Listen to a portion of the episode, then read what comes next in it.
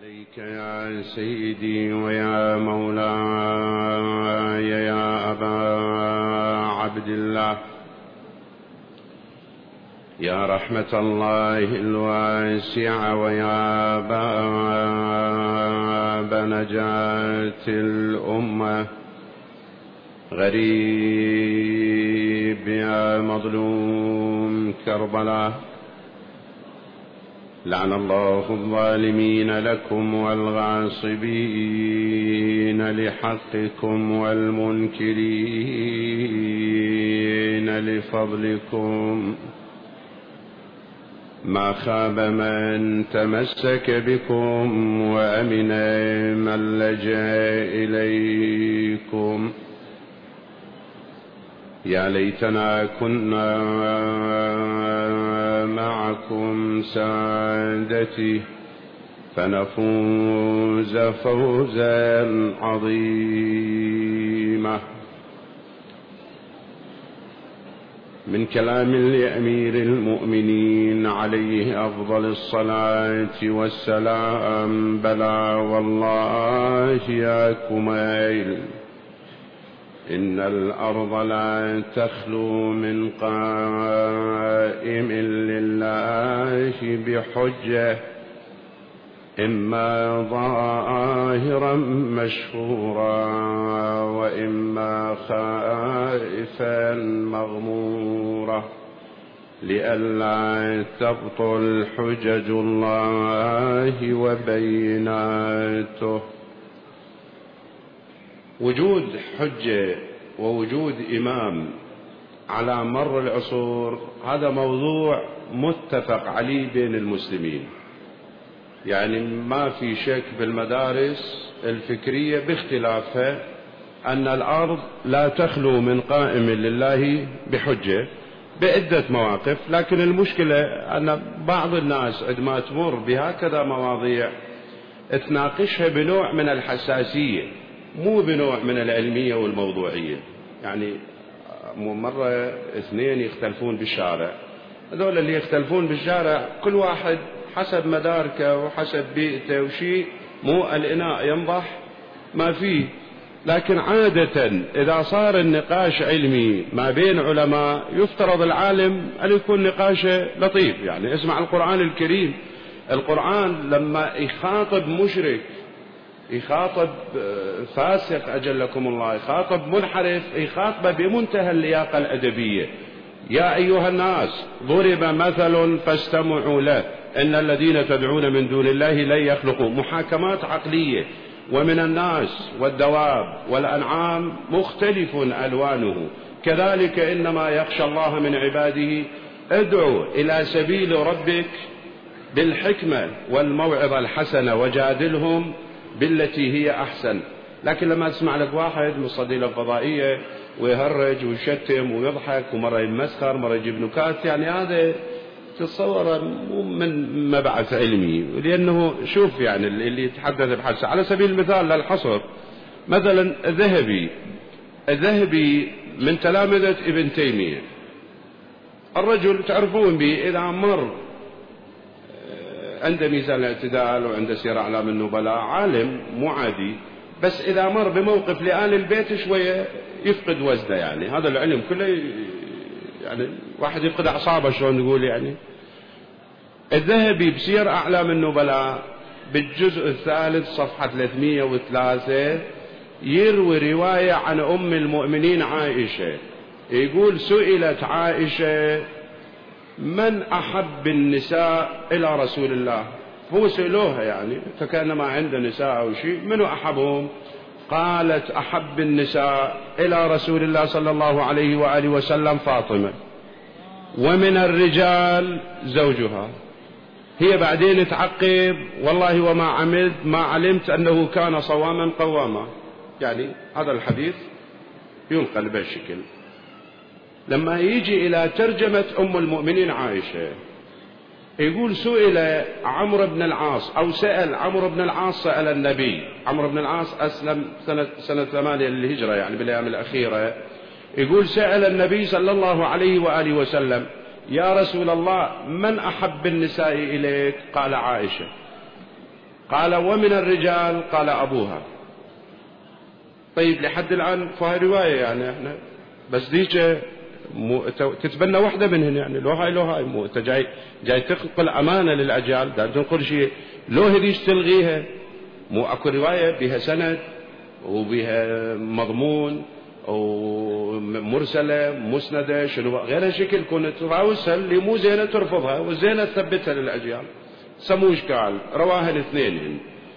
بس بن يروي الرواية في ترجمة عائشة عن عمرو بن العاص. يقول من النساء عائشة ومن الرجال أبوها بعدين يعقب يقول وهذا وهذا حديث صحيح رغم أنوف الروافض راحت العلمية وهبط بمنطق العلماء. ليش أنوف الروافض شنو مشكلتهم ويا عائشة؟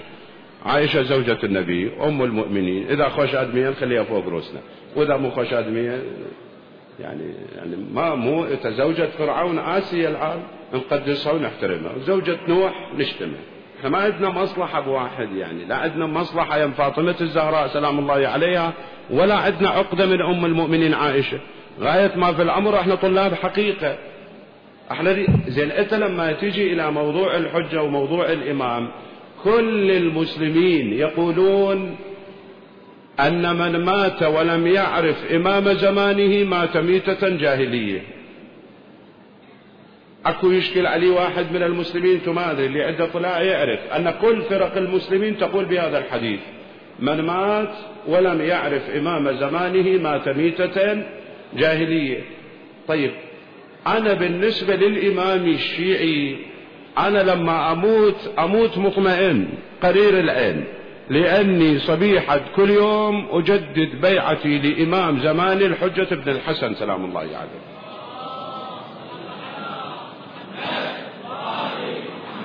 لكن بقية المسلمين دول الناس من العوام خلينا نسميهم اللي مثلنا. أو أنتم علماء المفروض تركبوهم على جادة.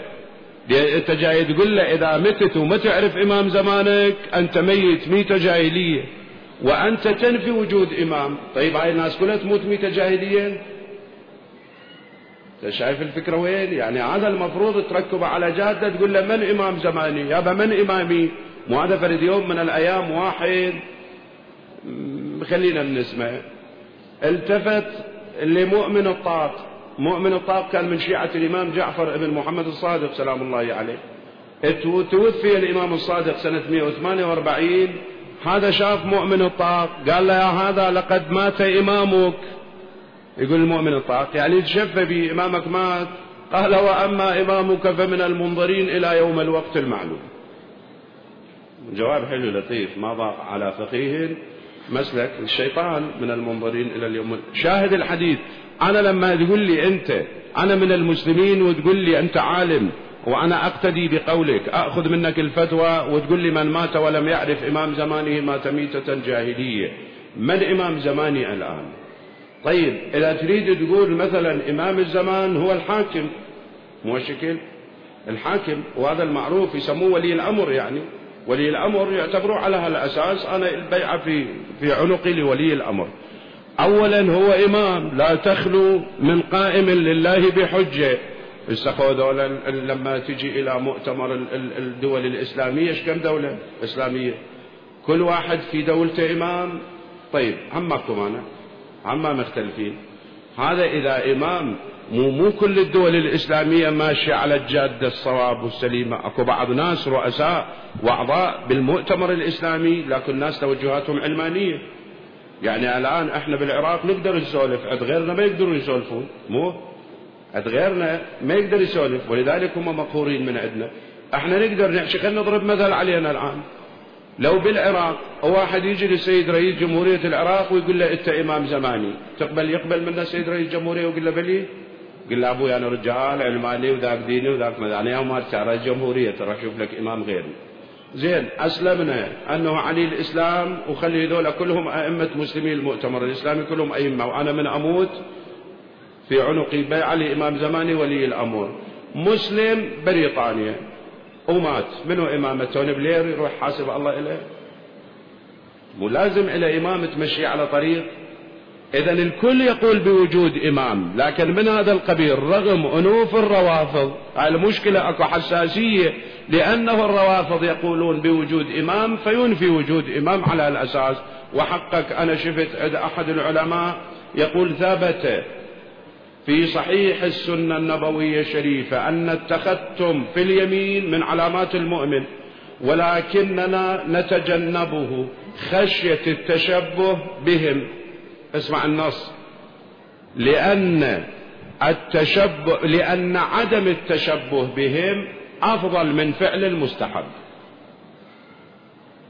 لأنه ثابت عند الإمامية أن التختم في اليمين من علامات المؤمن نحن ننفي هذه السنة كلها ما نشتغل بها لأنها من علامات الروافض وأنا ما أريد أتشبه بالروافض. إذا صارت المسألة بهالشكل فإذا دين ماكو. وإذا تريد تناقش مناقشات علمية فهي ثابتة فشاهد الحديث. بلى والله يا كميل إن الأرض لا تخلو من قائم لله بحجة إما ظاهرا مشهورا أو خائفا مغمورا لئلا تبطل حجج الله وبيناته. طيب شنو حجج؟ يعني لابد من وجود من يحتج به الله تبارك وتعالى على خلقه. هسه نحن نقول بأن الإمامة جزء من عقيدتنا مو نرسلها إرسال المسلمات توحيد أو عدل ونبوة وإمامة ومعاد. هسه أكو غيرنا يختلف معانا منهم مشيل عنصر الإمامة بعضهم حتى العدل ما يشترطه يعد الأصول الدين توحيد ونبوة ومعاد. يقول لك الله مو مسؤول أن يكون عادل لا يسأل عما يفعل وهم يسألون. لكن نحن نقول بالإمامة ليش مو قلنا نطلع من جو التهريج والشتائم. أولا هذا الكلام اللي يقال علينا أننا نقول أن النبي جاء بدين ناقص والأئمة يكملوه أو الأئمة يعلمون الغيب لذاتهم والأئمة يدفعون الضر ويصنعون المعجزات بلا أمر السماء. هذا الكلام كلام مال مثل ما قلنا مو كلام علماء. لكن نحن لماذا قلنا بالإمامة نحن قلنا بالإمامة النبي صلى الله عليه وآله وسلم يقول إني مخلف فيكم الثقلين كتاب الله وعترتي أهل بيتي لن يفترقا حتى يرد علي الحوض. طيب الآن عدم وجود إمام. لو ننفي ماكو إمام الآن موجود ويكون الإمام الحادي عشر توفي سنة 255 للهجرة الإمام الحسن العسكري وانقطعت تسلسل الإمامة انقطع. هذا الحديث يكون صحيح؟ لن يفترقا حتى يرد علي الحوض. يعني القرآن الآن موجود. إذا إمام ماكو تحقق الافتراق لو ما تحقق الافتراق فلن يفترقا حتى يردا علي الحوض. هذا دليل واضح على وجود الإمام صلوات الله وسلامه عليه. اثنين أننا لما قلنا بعقيدتنا بالإمامة أننا لا نقول أن النبي معاذ الله جاء بدين ناقص وأمر الإمام أن يكمله بس إحنا أكو غيرنا قد لما يروي بعض الروايات بفضائل بعض الصحابة مو ترى الصحابة عندهم مناقب يعني مو خالي ليش عبدي أطعني تكون مثلي تقول لشيء كون فيكون. من أطاع الله أطاعه كل شيء. لكن شاهد الحديث أنا لما يجي واحد يروي رواية عن بعض الصحابة أحيانا نضع مئة علامة استفهام عليها إذا كانت على حساب النبي صلى الله عليه وآله. مو؟ الحمد لله إحنا هذا تاريخنا وهذه تاريخ أهل البيت والأقلام ما شاء الله كتبت الكثير وتوسعت بكرامات أهل البيت.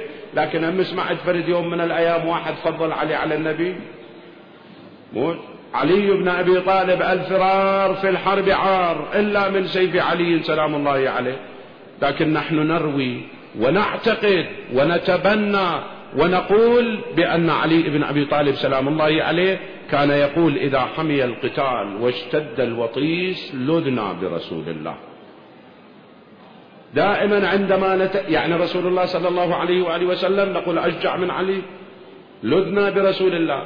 عندما نتكلم عن بلاغة علي بن أبي طالب نقول ما خلا النبي. فوق كلام المخلوقين ما خلا النبي ودون كلام الخالق.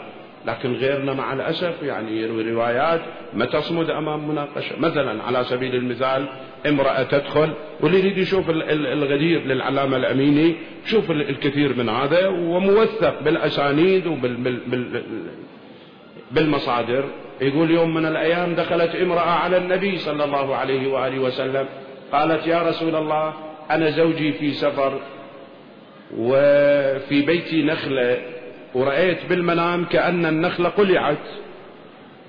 شنو تعبير الرؤيا؟ فقال لها النبي صلى الله عليه وآله وسلم إن زوجك قد مات. يعني تعبير الرؤيا زوجك توفى إلى الفاتحة واعتدي بالعدة. طلعت بالباب استقبلها الخليفة الأول.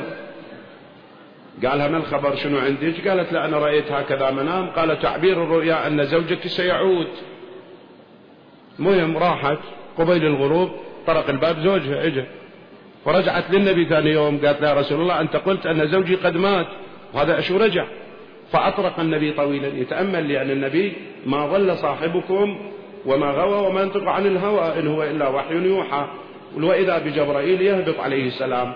قال يا رسول الله إن زوجها قد مات فعلا أنت مو تتأثر يعني لأنه المعلومة خطأ أو شيء. ولكن الصديق وعدها أن زوجها سيعود واستحى الله أن يجري الكذب على لسان الصديق. إيه طيب ماكو مانع أكو كرامات للصديق لكن لا يعني على حساب النبي يعني اجرى الكذب على لسان النبي. مو مو مو, المشكلة يعني إذا تخشى على الصديق. النبي صلى الله عليه وآله وسلم أجريت الكذب على لسانه حاشاه. فما عندنا في يوم من الأيام أننا نقول أن النبي صلى الله عليه وآله وسلم يقول آه، إذا تأخر عني الوحي ظننت أنه نزل على آل فلان. ما قلنا في يوم من الأيام أن علي بن أبي طالب أولى من النبي بالنبوة معاذ الله. وإنما هو تلميذ النبي ويتشرف بخدمة النبي صلى الله عليه وآله وسلم. أما هذه الفكرة مال خان الأمين خان الأمين خان الأمين هذه أنتم تعرفوها يعني. الناس يعني ناس مو مو علمي يعني هو سبي يسمع مساجد المسلمين من يخلصون الشيعة. الله أكبر الله أكبر. خان الأمين وبعدين الأمين الله إذا ما يدري بالأمين راح يخون. فعليه من صاير رب العالمين. مو شكل وإذا هو الأمير خان خوت تصلح الخيانة من بعد. على اعتبار الرسالة إجت لعلي بن أبي طالب ولادي. بس إحنا المشكلة قلت لك مو علماء فد يوم بمسجد الخير.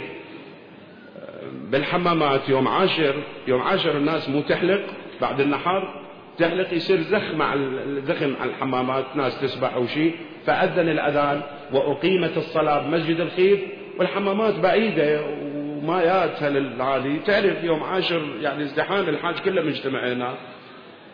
والحمامات بعيدة ودرج وتنزل شارع وتلف شيء يلا توصل المسجد. أقيمت الصلاة بالسماعات نسمع. أكو بعض المسلمين أقاموا الصلاة وكبروا واستقبلوا القبلة بالحمامات. يعني بدل ما يمشي هسه أنت صليت يعني ماكو داعي تشتم بي لا إكراه في الدين.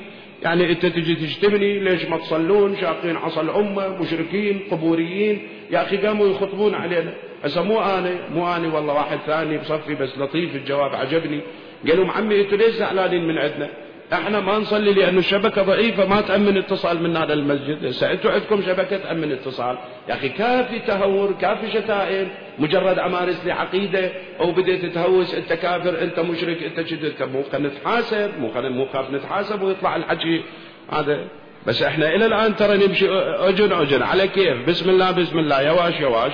ليش يواش يواش؟ لأنه أنا أقول لك بالإرهاب مو أنا قلت لك قبل كم يوم مال هارون لما واحد قاعد يمه وقال موسى ابن عمران استقبل آدم شافه شاف آدم قال له أنت الذي أخرجتنا من الجنة؟ عن النبي الرواية عن أبي هريرة. فواحد من القاعدين قال أين لقيه؟ وين شافه؟ بشارع بمقهى بمطعم شلون جاوب رجال سأل سؤال لطيف.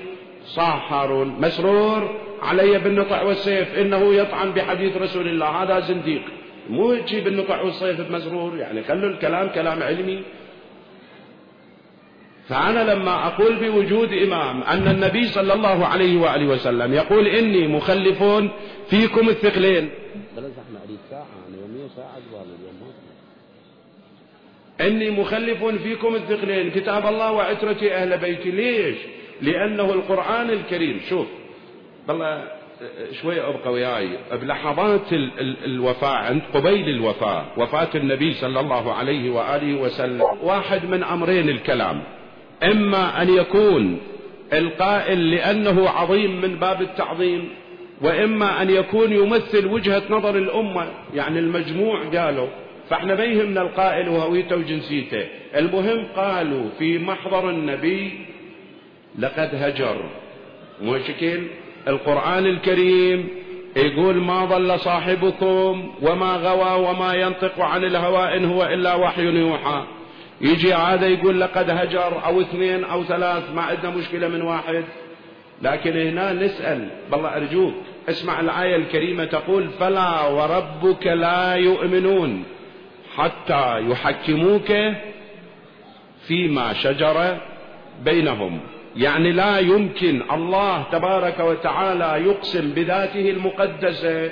يقول له بلى وربك لا يؤمنون إلا حتى يعني استثناء شرط شرطية إلا يحكموك فيما شجر بينهم. وبعد مو بس يحكموك أكو واحد من تحكم عليه يقبل بالتحكيم لأن مرغم بس من يطلع يربرب يقول والله مو عدالة هاي مو إنصاف. هذا مو كلام مو شكل أكو ناس يقول حتى هذا مو مقبول القبول ثم لا يجدوا حرجا مما في قلوبهم مما قضيت. حتى بقلبه ما, ما يجد حرج من قضائك ويسلم تسليما وإلا فإيمان ماكو. بالله شيل هالآية خليها على هالمقدمة النبي يقول جيبوا لي ورقة وقلم والجماعة يقولون تخبل وقام يهجر. شو يسموه تنطبق الآية يمهم لو ما تنطبق يعني. اكو ايمان هنا صار؟ مو اذا اكو ايمان المفروض يبادرون؟ فالشاهد ليش النبي اكد على وجود العترة؟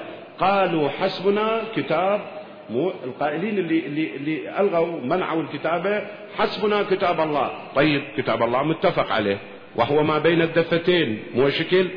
وإذا عندنا روايات لا يعتد بها نعم عندنا روايات لا يعتد بها تقول بتحريف القرآن فعدهم أكثر. لكن الكل هم هم ما يعتدون بها الناس. يعني الفريقين ما يحترموها والكل متفق على أن القرآن الكريم هو هذا القرآن ما بين الدفتين. طيب حسبنا كتاب الله. بس هذا كتاب الله عندنا. بعد إحنا ما نحتاج سنة ما نحتاج وصية من النبي ولا يكتب لنا كتاب ولا أبدا. عندنا القرآن يكفينا. مو هذا كلام الأمة؟ طيب عندنا القرآن يكفينا. الآن طب إلى مساجد المسلمين. القرآن الكريم يقول إذا قمتم إلى الصلاة فاغسلوا وجوهكم وأيديكم إلى المرافق وامسحوا برؤوسكم وأرجلكم إلى الكعبين غسلتان ومسحتان. شوف المسلمين شلون يتوضون على وضوء واحد. منهم من يكتفي بثلاثة أصابع مضمومة والآخرون لا يكتفون إلا بغسل الأرجل إلى الركاب وغسل الإذان والركبة. هاي شلون تحلها مو هذا القرآن الكريم. مو حسبنا كتاب الله. غيركم يحل المشكل. ما انحلت المشكلة بوجود القرآن. هل نقول أن في القرآن نقص؟ أن القرآن عاجز؟ عن الحلم لا لا. النقص بفهمنا للقرآن الكريم. ولذلك النبي صلى الله عليه وآله وسلم أكد على اقتران العترة بالقرآن لأنهم تراجمة الوحي. مثلا على سبيل المثال العصر فرد يوم من الأيام المتوكل العباسي بسامراء المتوكل العباسي صار عنده فرد موقف نذر لله نذر. قال لله علي ناذر أني إذا صار عندي الشيء الفلاني أن أنفق مالا كثيرا. تحققت الأمنية. صار يوفي النذر جمع علماء مو يجمع علماء. بس إحنا نسميهم تنابل السلطان دولة ما كل يأخذون هذا الأجرة من السلطان. جمعهم قال لهم يابا أنا هيك نذرت نذر. إيش كثر هذا؟ قولوا لي كم النذر؟ إيش كثر أدفع المال الكثير؟ قالوا لا ما ندري. قال شلون ما تدرون؟ مو إحنا قالوا الأسلاف حسبنا كتاب الله وطردنا العترة وأبدناهم من جديد الأرض بالتهجير والقتل وسمل العيون وبقر البطون على اعتبار القرآن يكفينا. لا تحرجونا شوفوا لنا القرآن. قالوا والله القرآن من أنزل الله ما كان يدري أن المتوكل راح يندر نذر حتى يسوي به حكم. تعذرنا من الموقف الفتح بن خاقان يمه وزيره قال له بابا إنت تسأل ذولا ذولا طناطلة يعني أنت مصدق ذولا علماء؟ إحنا نريد نمشي امورنا بيهم انت اذا تريد فعلا الجواب عندك ابن الرضا الامام الهادي سلام الله عليه. بالحبس موجود واكتب للامام راح يرد لك الجواب. كتبوا للإمام المعصوم كتب قال فلينفق 82 دينار. هذا كثير. قالوا له ليش؟ وشلون؟ والدليل والحجة؟ مو سوالف بس مال فضائياتنا. كتبوا للإمام قالوا له الحجة قال الحجة القرآن يقول بسم الله الرحمن الرحيم ولقد نصركم الله في مواطن كثيرة.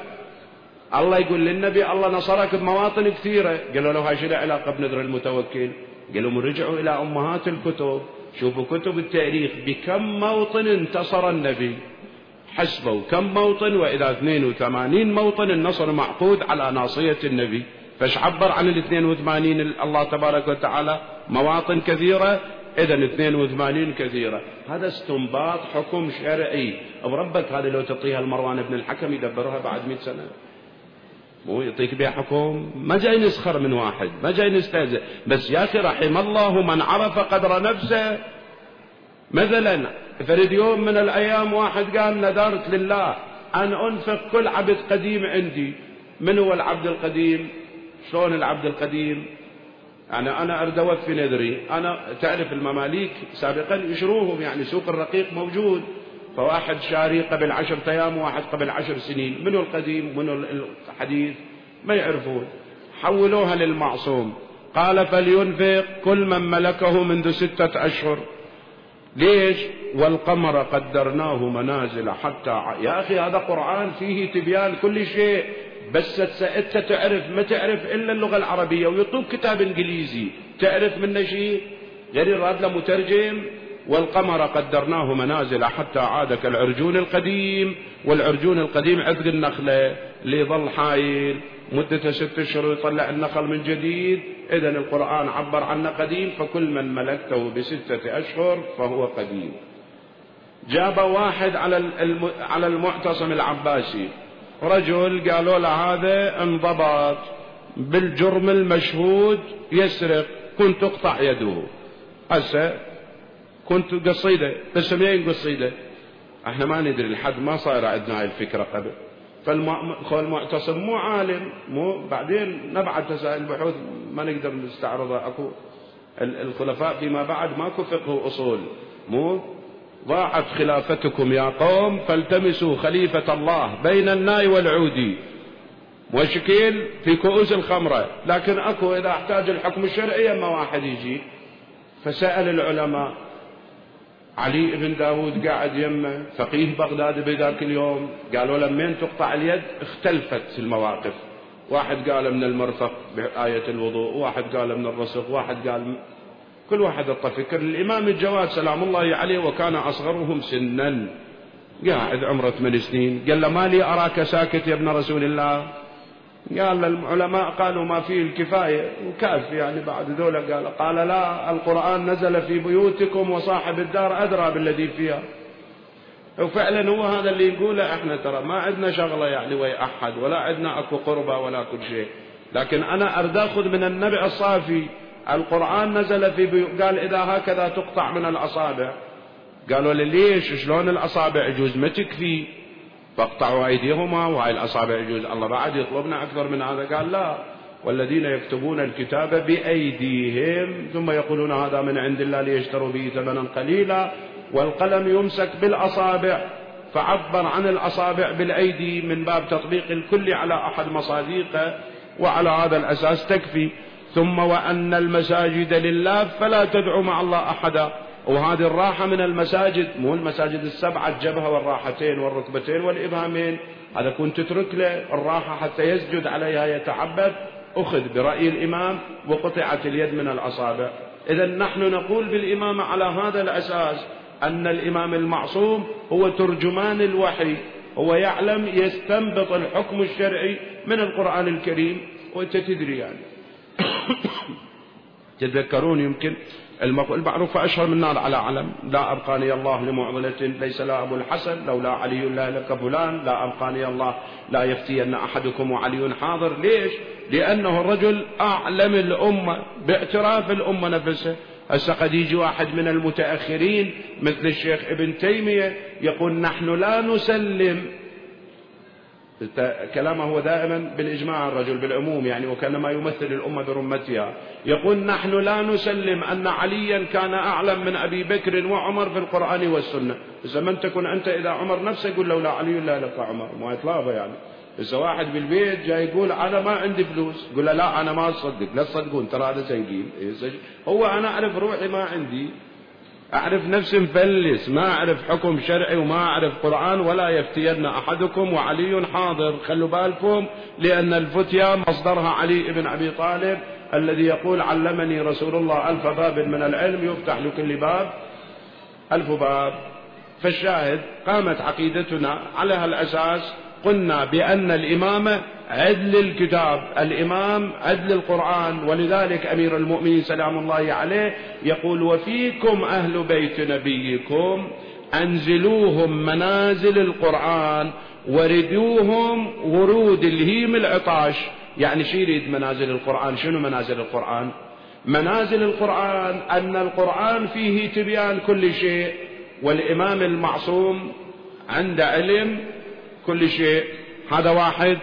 والقرآن الكريم لا يأتيه الباطل من بين يديه ولا من خلفه. وكذلك الإمام مسلح بالعصمة والحماية الإلهية لا يأتيه الباطل من بين يديه ولا من خلفه. طبعا إحنا أحيانا نشوف بعض المواقف وكأنما تتبادر لذهن الإنسان أنه نوع من التفاوت أو الاختلاف أو التقاطع.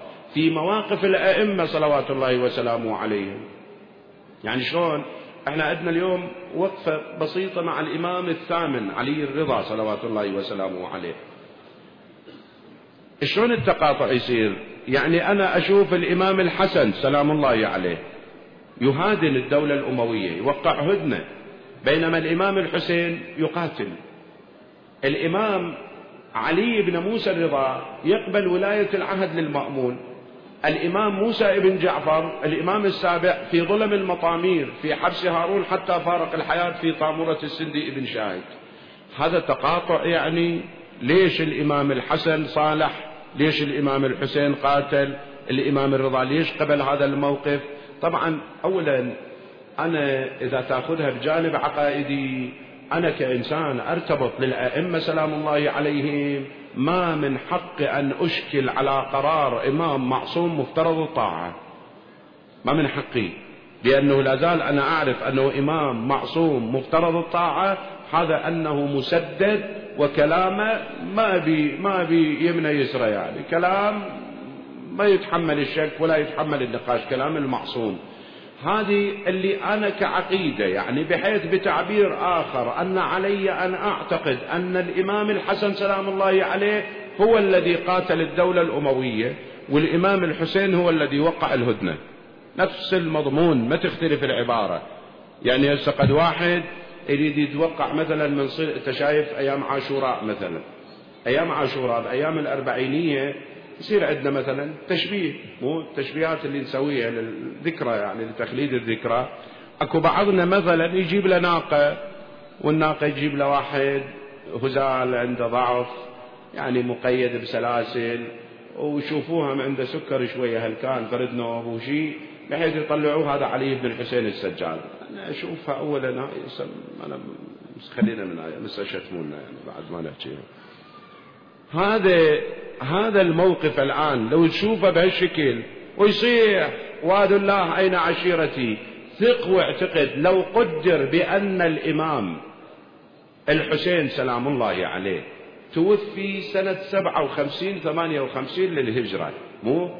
أو إجت ستين للهجرة والعلي بن الحسين هو الإمام المعصوم. لقدم نفس العطاء والموقف والأصالة والمبدئية والثبات والشهادة نفس الموقف. اللي يقدمه الحسين يقدمه علي بن الحسين. ما يختلف الموقف.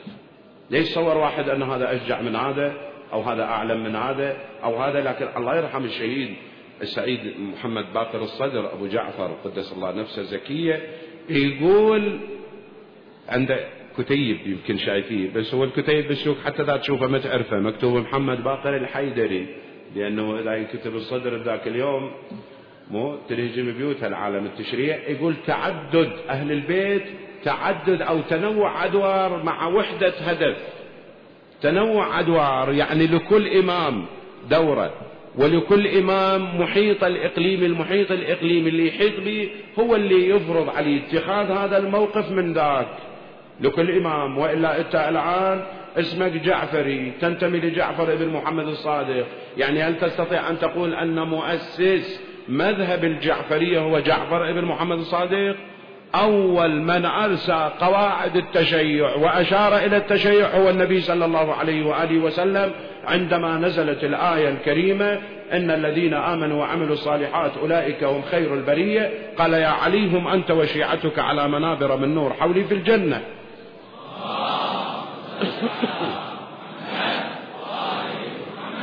بعدين علي بن أبي طالب سلام الله عليه أرسل قواعد الفكرية للمذهب ويكفينا فخر هذا نهج البلاغة اللي ما يرتقي له كلام إلا كلام الله تبارك وتعالى. ثم الإمام الحسن ثم الحسين ثم علي بن الحسين كل واحد ضمن دورة. يعني تصور علي بن الحسين دورة بس وين دورة انحصر؟ بالصحيفة السجادية. برسالة الحقوق يوصل فكرة المن للناس تربية للأمة بس من خلال شنو؟ من خلال الدعاء لأنه التضييق كان تضييق غير طبيعي بس بعد استشهاد الإمام الحسين. ما يمتلك منبر ويصعد ويخطب ويقول هذا لكن يقف يدعو. ماكو واحد يجي منع من الدعاء في المحراب. لكن بالدعاء شو يقول؟ اللهم إني أستغفرك من كل عمل أردت به وجهك فخالطني ما ليس لك. يريد يربي الأمة عن الرياء إذا يشير إلى مدرسة أهل البيت والمؤسسات الفكرية لكن بالمقدار اللي يتسع للمحيط الإقليمي بالمقدار أنت ستوقف عند الحسين. فيكون بمثل نقربه الآن تقف عند الحسين هنا تقرأ زيارة عاشوراء. مو؟ تقرأ زيارة عاشوراء. تقف مو تذكروها زيارة عاشوراء عندما دفعت الوباء في سامراء في يوم من الأيام عندما صار الطاعون ما يسع للمجال استعراضها فاكثروا من زيارة عاشوراء أنتم الآن بالأوبئة والمشاكل والهذه الله يدفع عنكم شرور الدنيا والآخرة. أنت تزور زيارة عاشوراء أو تزور زيارة وارث مو بكل صوتك بملء فمك. مو الشكل أنتوا من زرتوه؟ لكن أرجوك لما تروح للبقيع الآن تقدر تقول السلام عليك يا أبا محمد الحسن تقدر تقول شكل سلام سلام من بعيد رأسا تضرب لا يسمع ولا يشوف ولا يرى ولا يضر ولا ينفع ولا ولا يصير لك الأنثى والفتاوى ولا هذه إذا لكل إمام دورة. يعني هناك ليش ما تلزم كتاب وتزور؟ مو؟ أكو محيط إقليمي ضاغط. هنا أكو متسع من الكلام. وهكذا الأئمة صلوات الله وسلامه عليهم لكل إمام دورة. فالإمام الثامن الضامن علي بن موسى الرضا سلام الله عليه. هو بالمناسبة أكو بعض الفكرة لطيفة من يقول الضامن ليش؟ الضامن لسبب. كأنما خط الإمامة أكو صار بيها من بعدها مو أكو تفرق مثلا؟ يعني افرض اكو ناس طلعوا من خط الامام الحسين بعدين على زيد الشهيد على كذا والزيدية بعدين اكو واقفة عند الامام موسى الكاظم اكو اسماعيلية على الاسماعيل بن موشي أنتم عندكم فكرة عن الملل والنحل؟ لكن لما وصلت الإمامة لعلي بن موسى الرضا من وصل بقوله بإمامة علي بن موسى الرضا بعد وراء ما صارت شبهة ولا ضبابية. ولذلك الضامن يعني اللي وصل إلى إمامة علي بن موسى الرضا ضمن البقية استمر على الخط الصحيح إلى الإمام الثاني عشر عجل الله فرجه الشريف. فشاهد الحديث الإمام علي بن موسى الرضا أملى علي ظرف معين للمأمون العباسي أن يقبل هذا الموقف لولاية العهد مو برغبة. وإنما أخرج مضطرا سلام الله عليه. أخرج بالقوة لسبب المأمون العباسي علاقته بابن العباس كانت ضعيفة. نستعرضها بسرعة. كانت علاقته ضعيفة بابن العباس. ليش؟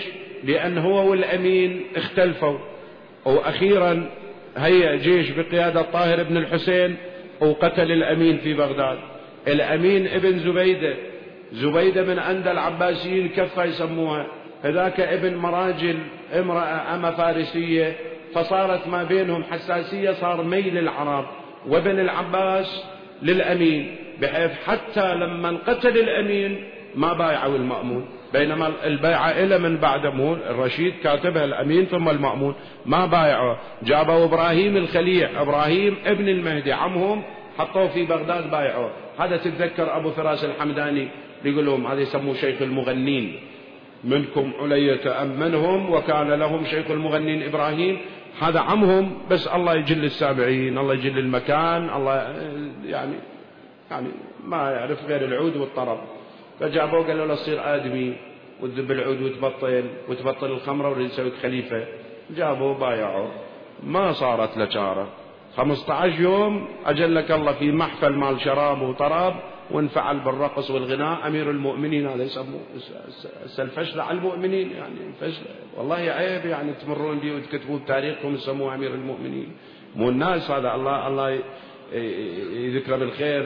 التيجاني مو في أحد كتبة. أنا ما شفت الرجل على ما سمعتها منه وإنما كتبة كاتبة يقول أكو بعض النصارى يسألني يقول لي صار 1400 سنة وأنتم تقرون بصلاتكم اهدنا الصراط المستقيم. إيش وقت الله يهديكم؟ صار 1400 سنة وما هاديكم.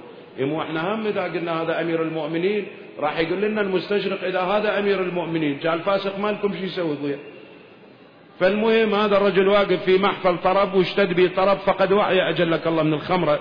شالوه الخدم مقتل مقتل ما أدري كان يكون سدية أو شيء. ففايتين به القصر الخلافة واحد تلقاهم خطية مخبوص لأن هذا ظل الله في الأرض والخليفة مريض أكيد يعني يدفع. قال لهم خير إن شاء الله من عمري على عمره شبيه الخليفة؟ شعر راسه قال له اسكت أنا بقية الله من آل عمران تحملني الملائكة هذه وين؟ هاي وين؟ قالوا لي ظهر ما تصير لك شارج وعميته خلعوه يسموه الخليع. رجعوا يلا رحمة البيعة للمأمون. فبني العباس كلهم العرب ضد المأمون. صارت ثورات اللي منها ثورة أبي السرايا ترى استجرت على المنطقة بحيث كادت أن تودي بالعرش العباسي فاضطر أن يقرب قمة الهرم حتى يخفف شوية يمتص نقمة الجماهير. بعدين أخي ترى هم يعلمون هم يعلمون الإمامة ومقر الإمامة. شوف المأمون العباسي مو قلت لك ظروفه السياسية أدت به إلى أن يتظاهر بالتشيع. لما ظاهر بالتشيع اجى واحد سأله قال له من علمك التشيع؟ إحنا بيها علي إيش عندنا ويذولا؟ قال علي ما نحبهم ولا يمهم قال له أبي هارون علمني التشيع. يقول له للسائل قال له عجيب. هارون يعلمك التشيع شلون؟ قال له أبي هارون فرد يوم من الأيام حججت مع أبي إلى بيت الله الحرام. جعل طريقه إلى المدينة. بالمدينة بمدينة الرسول صلى الله عليه وآله وسلم تعرف يفتح الباب للناس والزوار والشيء. يعني زور أهل المدينة يسلمون عليه الوجهاء. يقول لكنه أمر الحاجب قال لا يدخل علي رجل إلا وينتسب. لا تدخلون شخصية إلا يقول فلان ابن فلان. يقول بهالأثناء المأمون ينقل أنا قاعد أخوي الأمين قاعد مجلس هارون مجلس ضخم ودولة. وإذا بالحاجب دخل قال على الباب رجل يزعم أنه موسى ابن جعفر ابن علي ابن محمد ابن علي ابن الحسين ابن علي ابن أبي طالب. قد نسب مو طبيعي يقول اهتز المنصور من الهارون من الكلام. التفت لجلساء أمرهم بالحشمة والوقار قال لهم خلوا بالكم كونوا مؤدبين راح تقع علينا كذا. فدخل علينا رجل تميله الريح إذا هبت له ثفنه كثفنه البعير من السجود. جلس امامه يقول أقبل إليه أبي سأله سؤالا حفيا أقبل إليه بوجهه. يعني شلون نقول إحنا بالغ بالاهتمام به. بعد ما غادر التفت إلينا أنا والأمين قال سووا ثيابه وأركبوه على بغلته. وامسكوا له زمام البغلة. ترى مو سهلة يعني. ابن خليفة ولي عهد يمسك ركاب يقول إحنا تضايقنا من هذا الموقف من يكون هذا حتى نقدم له كل الخدمة طلعنا أمسكنا الزمام أركبنا وصلنا سوينا عليه ثيابه. بالليل وزع الأعطيات. كل اللي اجى وداله. يقول بعث للشخصيات. شلون اليوم إحنا نقول قطع أراضي؟ مو جماعة جاي يستنقون بدجلة باي وين اكو ساحة نظيفة حلوة ياخذوها. هالشكل هذه قطع أراضي للشخصيات الكبار وللناس الفقراء أقل ما أوصل له خمسة آلاف دينار. أقل شخصية. يقول وبحث لهذا الرجل بمئتي دينار. سهنا المأمون ذكي جدا. سألته قلت له أبا من هذا الذي عظمته أكثر من غيره؟ قال هذا إمام الناس. شوف شلون؟ صفحت على لسانه مو نفث على لسانه. هذا إمام الناس. قلت أوليس أنت إمام الناس؟ قال لا. أنا إمام القوة والقهر والغلبة والسلطان وهذا إمام القسط والعدل. إذا أكو إنصاف وأكو مبدئية فهذا الإمام. إذا إذا هي الإمامة ترى موجودة ولكن كذب ثم كذب ثم كذب حتى يصدقك الناس. الإمام العسكري سلام الله عليه لما توفي في سامراء أخو جعفر بن الإمام الهادي راح للسلطة العباسية قال لهم أعطيكم نصف الخمس اللي يوصل لي من الشيعة. أعطوني منصب أخوي. شلون كان منصبه؟ التفت للوزير العباسي وزير البلاغ قال له إذا أنت تعرف تريد منصب أخوك روح نسخ ويا الله. شوف هاي دولة بني العباس بكل قوتها الرسمية والشعبية ضد أخوك والله شايل رايته. مثل ما شايل راية الحسين مو؟ ألف وأربعمائة سنة والدنيا. حسين يا حسين صاير صاير شوكة بعيونهم والحسين مشغولة رايته فقال له أنت روح اذا يعلمون تماما ولكن كذب ثم كذب ثم كذب حتى يصدقك الناس. شاهد الحديث؟ قلت له إذا أنت إمام الناس إذا هذا إمام الناس ليش اعطيته 200 دينار؟ قال إن فقر هذا وأمثاله خير لك ولمستقبلك. إن أعطيته أكثر لا آمن أن يشهر بوجهك مئة ألف سيف من شيعته ومواليه. لأن المال سوي قابلية للثورة الانتفاضة للمشاريع الإصلاحية. شاهد الحديث؟ إذا الرجل انضغط عليه سياسيا اضطر الإمام سلام الله عليه أن يأخذه. أخذ الإمام صلوات الله وسلامه عليه قهرا من المدينة إلى مرو لما طلع حتى بطريقة يروون لها الحادثة الحادثة اللي يقول عنها أحمد بن حنبل من يمر بيها. هي الحادثة شنو؟ لما مر بنيسابور أو نشابور واجتمعوا عليه العلماء والأكابر وشي والحفاظ والكتاب قالوا حدثنا يا ابن رسول الله. حدثهم بهالحديث يسموه حديث سلسلة الذهب. مو رجال الجرح والتعديل يعرفون عندهم هاي العنعنة مو فلان عن فلان. كن هذا شلون؟ علم الرجال يعني يناقشون وضع شيء. هذا الحديث من يمرون به يسموه سلسلة الذهب لأنه أطل عليهم بوجهه الأقمر. قال لهم قال أبي موسى عن أبيه جعفر عن أبيه محمد الباقر عن أبيه علي الحس... ابن الحسين عن أبيه الحسين عن أبيه علي بن أبي طالب عن رسول الله صلى الله عليه وآله وسلم عن جبرائيل عليه السلام عن الله تبارك وتعالى. أحمد بن حنبل من يمر بهذا الحديث يقول هذا السند لو قرئ على ميت وأحياه الله لو قرئ على مجنون وأبرأه الله لما كان في ذلك عجب.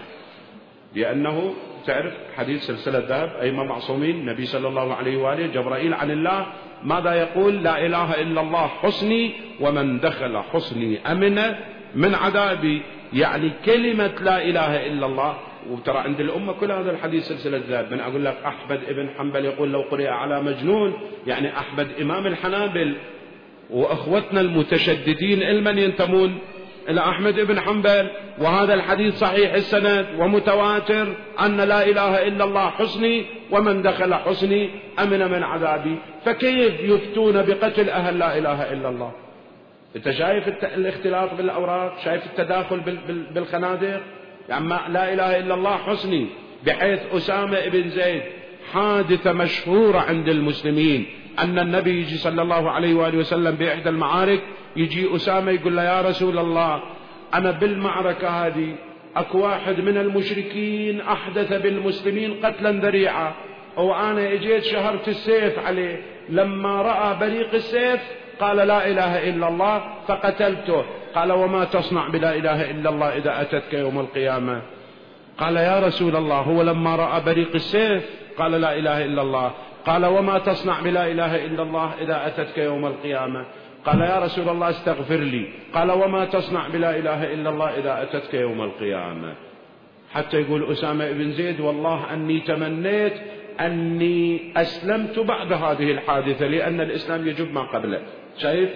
هذه حرمة لا إله إلا الله.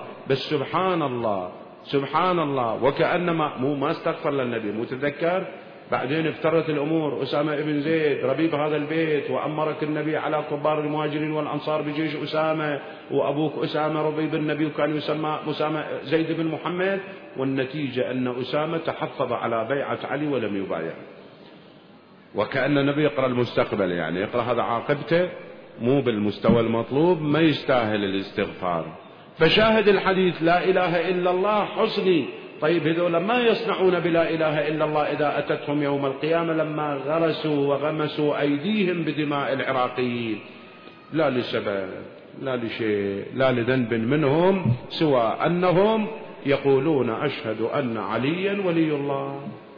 هسه هذا مو مو أنت أنت شنو المشكلة؟ هسه مو أكو ناس. جاي يقول عنا هذا ولي من الأولياء ما عندهم هسه أولياء من تقرأ الكتب ما عندهم أولياء. يعني يوم من الأيام هذا شبلنج بنور الأبصار يقول عبد القادر الجيلاني دخلت عليه امرأة كانت مشغلة ابنها عنده فشافت ابنها ضعيف وشي فدخلت على عبد القادر تريد تعاتبه. لقت قدامه دجاجة يأكل. قالت لا هذا ابني واقف بخدمتك مقدم لك شيء. ما تقدم له برد شيء شيء يعطي جناح يعطي رجل من الدجاجة يعني. خليه يسوي التغذية دامرة. قالها آه، شوية انتظري الموضوع مو هالشكل شلون إحنا نقول الزلم تاكل على قد افعاله يعني. تكمل الطعام يقول وجمع العظام ضربها قال قومي دجاجة بإذن الله فقامت. شنو المشكلة؟ جاي تقول ولي من الأولياء وأحيا دجاجة. إسماعيل الحضرمي ردت للشمس الخطيب البغدادي يذكر تاريخ بغداد. مشكل. إذا شنو المشكلة لما أقول أشهد أن عليا ولي الله ولي من الأولياء وماكو ماكو ماكو منقص على علي بن أبي طالب حتى ما يستحق الولاية الإلهية. فكل ما في الأمر غرسوا. إذا ما يصنعون بلا إله إلا الله إذا أتتهم يوم القيامة. فالشاهد الحديث حمل الإمام وعرضت عليه الخلافة أباها عرضت عليه ولاية العهد. بس مشروطة يعني ولاية العهد كن يقبل. فاضطر الإمام لقبول ولاية العهد لكن كان يمارس دوره إلى جنب المأمون كما أسلفنا حيث ما اتسعت له المواقف. بالدليل أن يوم من الأيام جابوا رجل للمأمون العباسي الإمام الرضا قاعد سلام الله عليه جابوا رجل قالوا له هذا الرجل سارق وإحنا نريد نقص إيده. نريد نصدق يعني بالجرم المشهود فريد ولي الأمر يقول لنا اقطعوا إيده. قال له يقول هذا الرجل كان عليه سماء السجود عليه الصلاح شيء. التفت له قال له أشو ما يليق بيك أن تكون سارق مو شكل؟ يعني أنت مو مال. فعلا ترى هي الشأنية إلى مقام يعني المفروض ابن العائلة ابن الأسرة الإنسان اللي عليه دين اللي ينتمي للحسين اللي على البيت. ترى مشكل يعني يكون يراقب وضعه يعني يكون يكون يلتفت شوية زين لنفسه قال له أنت ما يليق بيك هالمنظر اللطيف وشيء أنك تسرق قال له بلى أنا سرقت قال له المأمون ويحك أنا أرد أعاونك.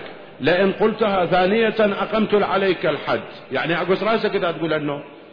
قال أنا سرقت ولكنك لا تستطيع أن تقيم علي الحد لأنك سرقت قبلي فعلمتني السرقة. ليش الآن الحدود تعطل في عصر الإمام؟ رأينا هذا. ليش؟ ليش تعطل الحدود؟ لأن الحدود إقامتها كل اللي يقيمها واحد. ما بدمت احد مثله. مو أخاف يقيم الحدود على الزنات أجلكم الله وهو زاني. أخاف يقوم الحدود على السراق وهو سارق. منو اللي الآن عندك أنت سرقت قبلي فعلمتني السرقة. التفت للإمام قال له تسمع ما يقول؟ قال له حكاك بالحجة ألقمك بالحجة قل له بالحجة رد علي. قال له أنت تزوجت بنت الحسن ابن سهل بوران. هاي ذو الرياستين يسموهم الأسرة. شو البرامج أيام الرشيد؟ أيام ذو الرياستين تزوج بوران قال لهم أخذوا لي أبعاد الغرفة. سووها حصير من ذهب. سووا لها. أخذوا أبعادها طول بعرض سووا حصير من ذهب. قال اجمعوا لي الدر الشفاف من العواصم الإسلامية. نثار للعروسين. شلون الشوكليت؟ فمن دخلوا هو وبوران حفلة عرس يعني. قاموا يطشون عليهم من هذا اللؤلؤ أو الدر هو شاف الدر يوقع على الأرض الذهب التفت قال قاتل الله الحسن بن هاني. الحسن بن هاني أبو نؤاس. عند بيت شعر أجلكم الله يصف الخمر به يقول كأن صغرى من من كأن صغرى وكبرى من فواقعها حصباء در على أرض من الذهب. فالمأمون يقول قاتل الله الحسن بن هاني كأنه كان معنا حينما يصف الخمر ويقول كأن صغرى وكبرى من فواقعها حصب أدر على أرض من الذهب. قال له هذه حصير الذهب وهذا الدر الشفاف منين اجى أنت ابن مراجل أمك اما أنا لا زلت إلى حصه بيك لأني مسلم أنا إلى حصه بيك بأمك من ثمن أمك لأنها مشترات من بيت المال.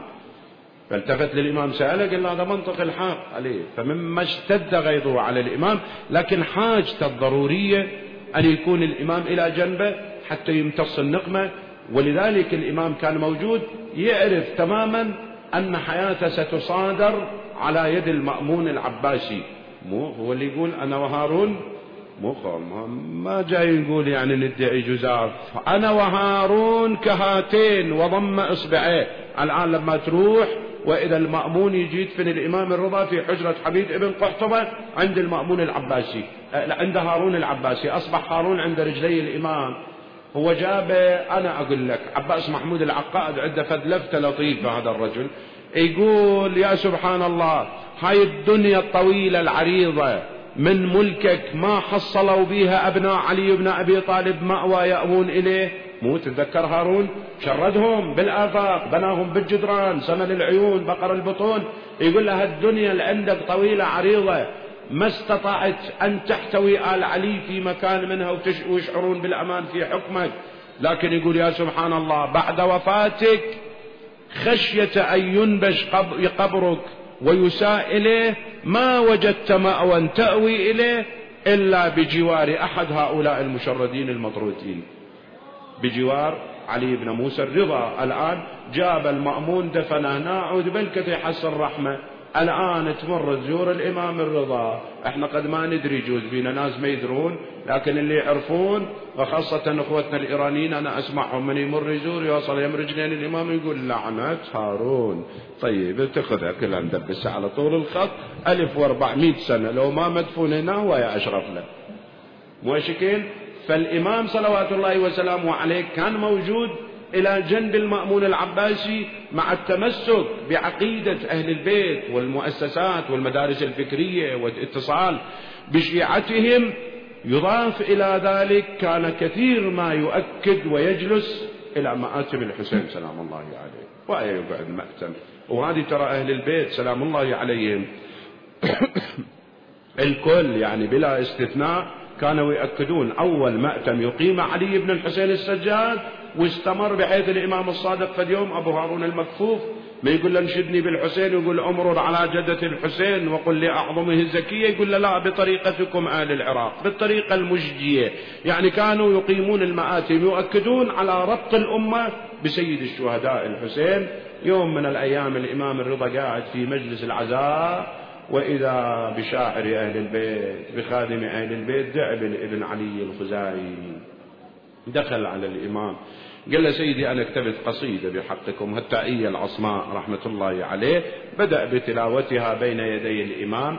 طبعا الإمام وسع له مرحبا بناصرنا بيده ولسانه أجلسه إلى جنبه وقرأ لمدارس آيات خلت من تلاوة ومهبط وحي مقفر العرصات ديار علي والحسين وجعفر وحمزة والسجاد. الثفنات مدارس كانت منازل كانت للصلاة وللتقى وللصوم والتطهير والحسنات.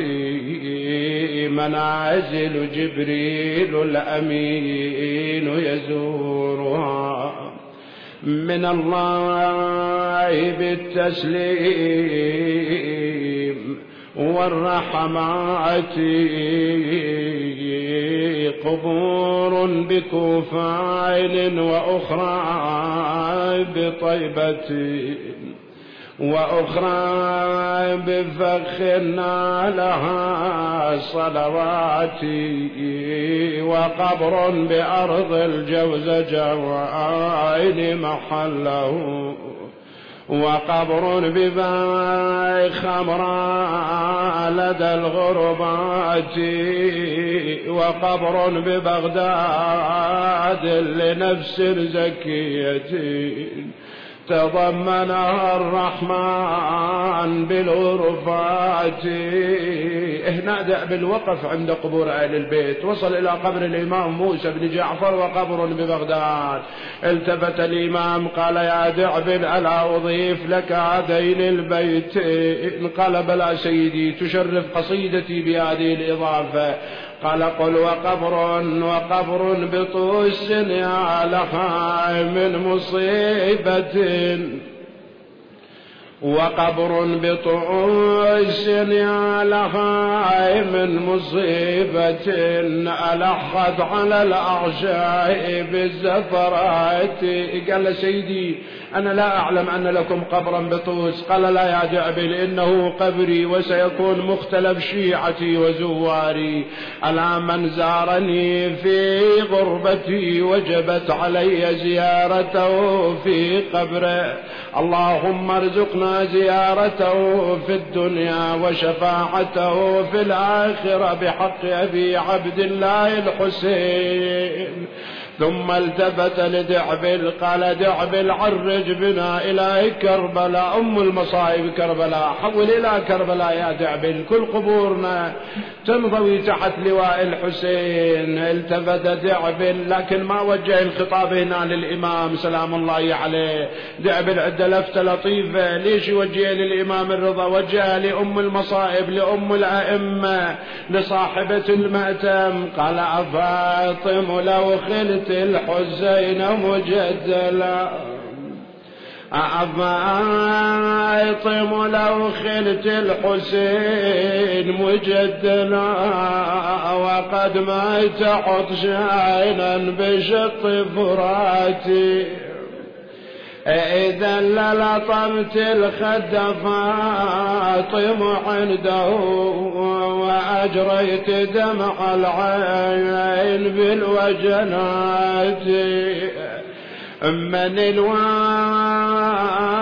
يا حسين يا ابني يا من ريد ذباحك ذبحني أنا الوالدة والقلب لعفان وأدور عزبني وين ما كان لعبت علي الخيل ميدان وين اللي ساعدني يا شيعة؟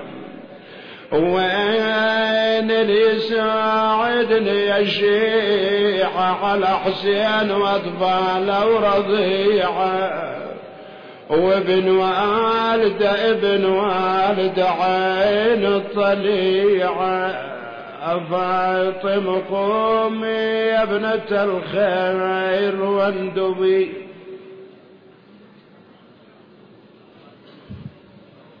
يا الله.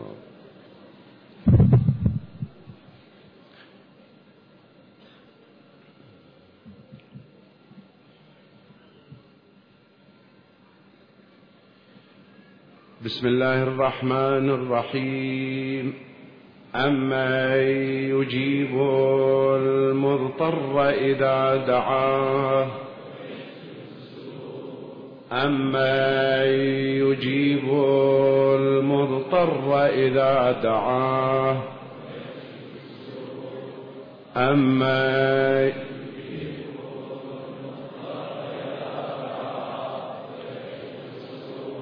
أما يجيب المضطر إذا دعاه